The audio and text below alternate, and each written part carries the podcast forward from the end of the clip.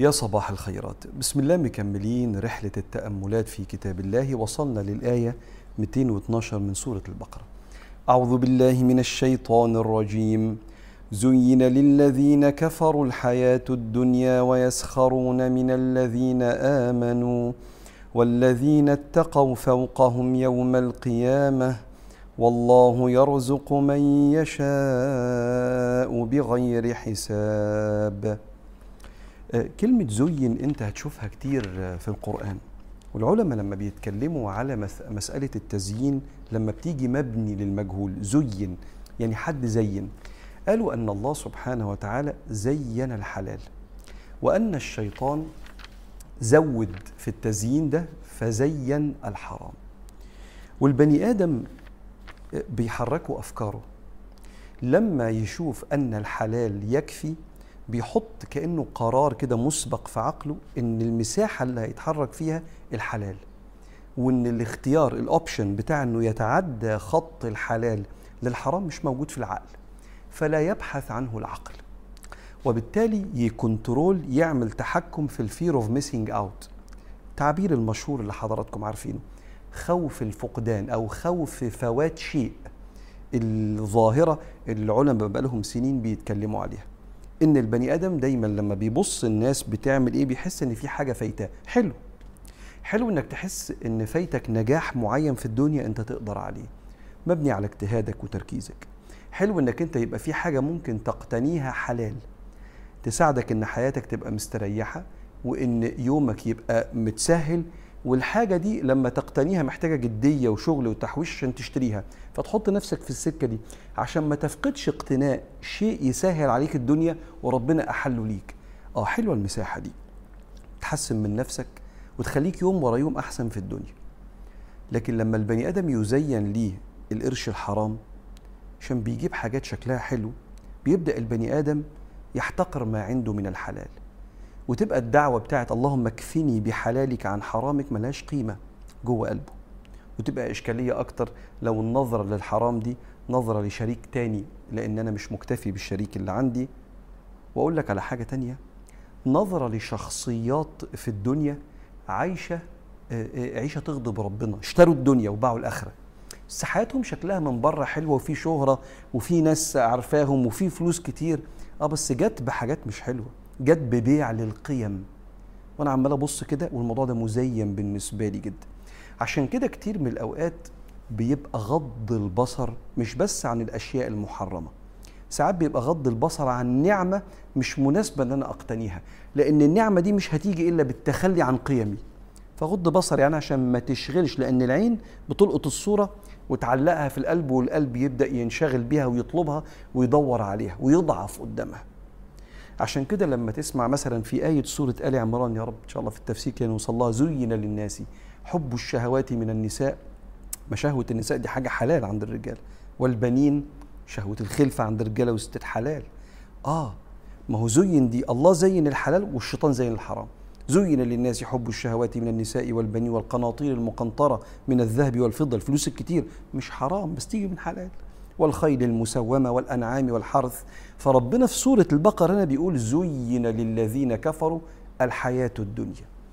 آه هو الكافر اللي مش عايز يعترف بوجود الله شايف إن ربنا بيتحكم فينا. فما تشربش خمرة. ليه يعني؟ أنا عايز أنبسط وعايز عقلي ده يبقى في حالة معينة مش شايل هم. والخمرة بتضيع الهم ولا المخدرات. ليه تتحكم فيا؟ فأنا مزين بالنسبة لي شهوتي.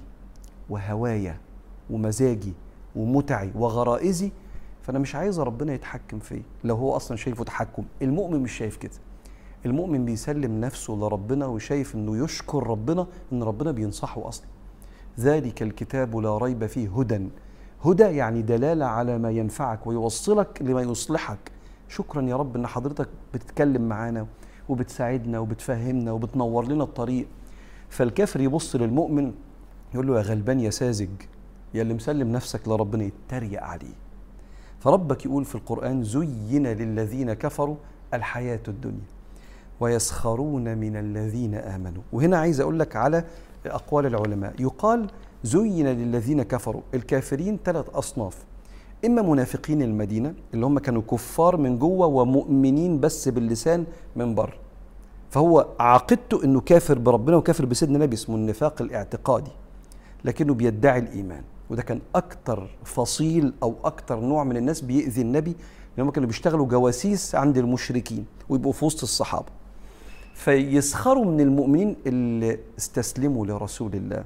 صلوا عليه وسلموا تسليما. عليه الصلاة والسلام فاستسلموا لأمر رسول الله اللي هو جاي من عند ربنا. فيسخروا منهم. شوفوا أنتوا ماشيين ورا محمد عليه الصلاة والسلام. ويقال الذين كفروا يهود المدينة اللي عرفوا إن النبي نبي وكفروا به. ويسخروا من المؤمنين اللي ماشيين ورا النبي عليه الصلاة والسلام. ويقال زين للذين كفروا المشركين اللي مش مؤمنين بربنا وشايفين إن الرب اللي سيدنا محمد بيدعو إليه بيضيق علينا الحياة ويقول لنا حاجات. إزاي يبقى العظيم يقف جنب العبد في الصلاة؟ إزاي يبقى البني آدم مركز إنه يجيب فلوسه من حلال ولا يبقى محترم ولا القوي ما يأكلش الضعيف؟ كل الاعتراضات اللي اعترضها أبو جهل وأبو لهب وسائر صناديد يعني زعماء قريش على النبي عليه الصلاة والسلام فسخروا. وهنا دي كلمة مهمة جدا في الآية. إحنا محتاجينها في عصرنا ده. السخرية بتحرم القلب من رؤية الحق. إحنا ممكن نكون مختلفين مع بعض. وأنا شايف إنك أنت غلط. بس خد بالك أنا لا أحيط بكل شيء علما. فممكن بعد عشر سنين من طلبي للعلم وإدراكي وزيادة خبرتي في الدنيا قلت تصدق أنت طلعت صح. عارف إيه اللي هيمنعني من اتباعك أو تصديقك؟ إن أنا ياما اتريقت عليك. تريقة بتحشي القلب بالكبر. وبتحطني في حالة معينة مش ممكن بعد ما حفلت عليك واتريقت عليك كده ووصفتك بأقبح الوصا... الأوصاف بعد كده قلت تصدق طلع صح. يبقى كل التريقة دي ترتد في وشي. أنا اللي كنت ساذج وجاهل جدا. الكبر بيسمحش للبني آدمين بكده. مش كده كانت المشايخ تعلمنا. لما تسمع معلومة انت مش مقتنع بيها مش متخيلها ممكن تختلف معاها. كنت وجهة نظرك. ممكن تعترض اعتراض طالب العلم اللي عايز يتعلم. يا جماعة مش ممكن الكلام ده مش صح. أكيد ربنا ما قالش كده أكيد النبي ما قالش كده أكيد العقل ما يقولش كده. ماشي. استفسر. لكن تتريق آه من سخر من مقام حرم من الوصول إليه. أسخر من واحد بيقول معنى معين هو ضايقه هو حاسس بيه. أنا بعيد جدا عن المعنى ده فمن تريقتي عليه أتحرم من الوصول للمقام ده.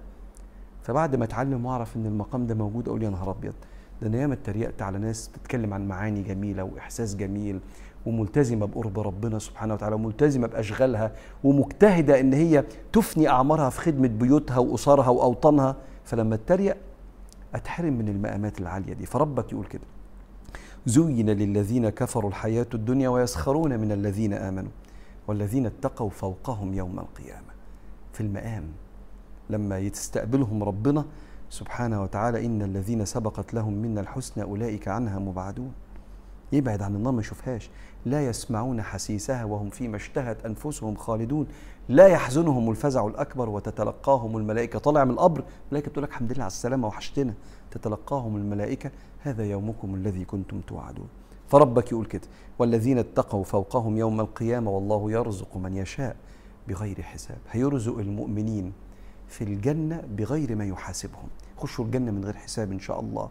يخشوا الجنة من غير تنغيص. من رحمة ربنا.